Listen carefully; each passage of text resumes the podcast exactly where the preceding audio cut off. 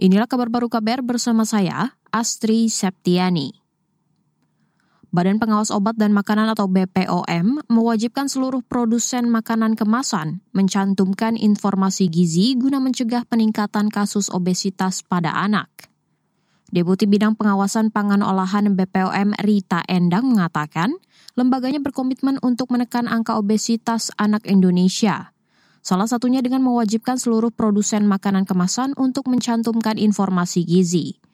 Rita mengatakan, BPOM memberikan standar angka kecukupan gizi anak. Untuk anak 7 hingga 12 tahun, yakni di angka 2150 kalori.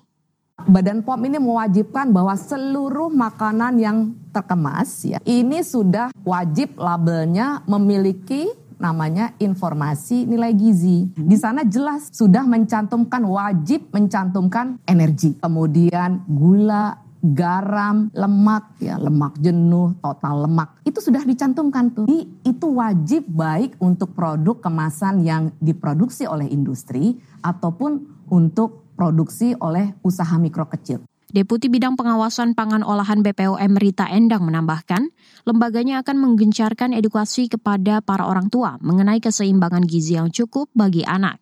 BPOM juga akan terus memantau makanan kemasan anak yang beredar di pasaran. Data Kementerian Kesehatan mencatat jumlah anak usia 5 hingga 19 tahun yang mengalami obesitas meningkat 10 kali lipat dalam 40 tahun terakhir. Saudara kita beralih ke informasi lain.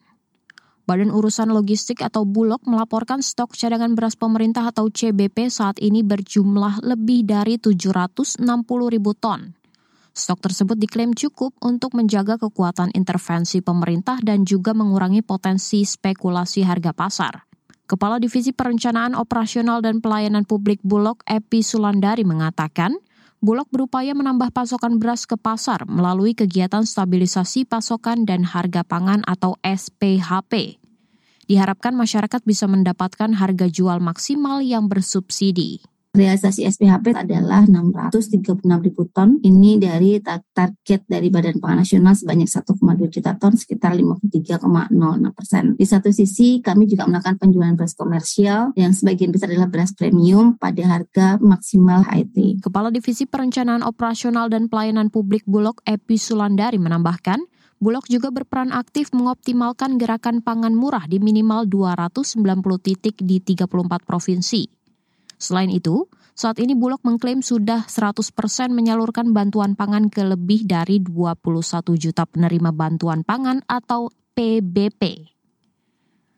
Saudara terakhir kita ke lantai bursa. Perdagangan saham di Bursa Efek Indonesia atau BEI hari ini bergerak positif – pada perdagangan hari ini, indeks harga saham gabungan atau IHSG ditutup menguat 18 poin atau sekitar 0,27 persen ke level 6.899. Indeks sempat menembus posisi tertinggi hingga level 6.929. Dikutip dari data RTI Business, lebih dari 22 miliar lembar saham terjual dengan nilai transaksi lebih dari 9 triliun dengan frekuensi perpindahan saham sebanyak 1,3 juta kali.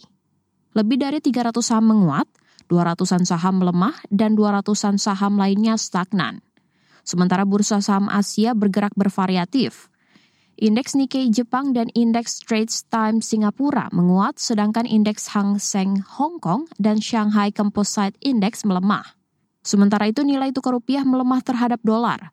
Rupiah ditutup di posisi 15.046 per 1 dolar Amerika Serikat atau melemah 0,10 persen dari sebelumnya. Inilah kabar baru KBR bersama saya, Astri Septiani.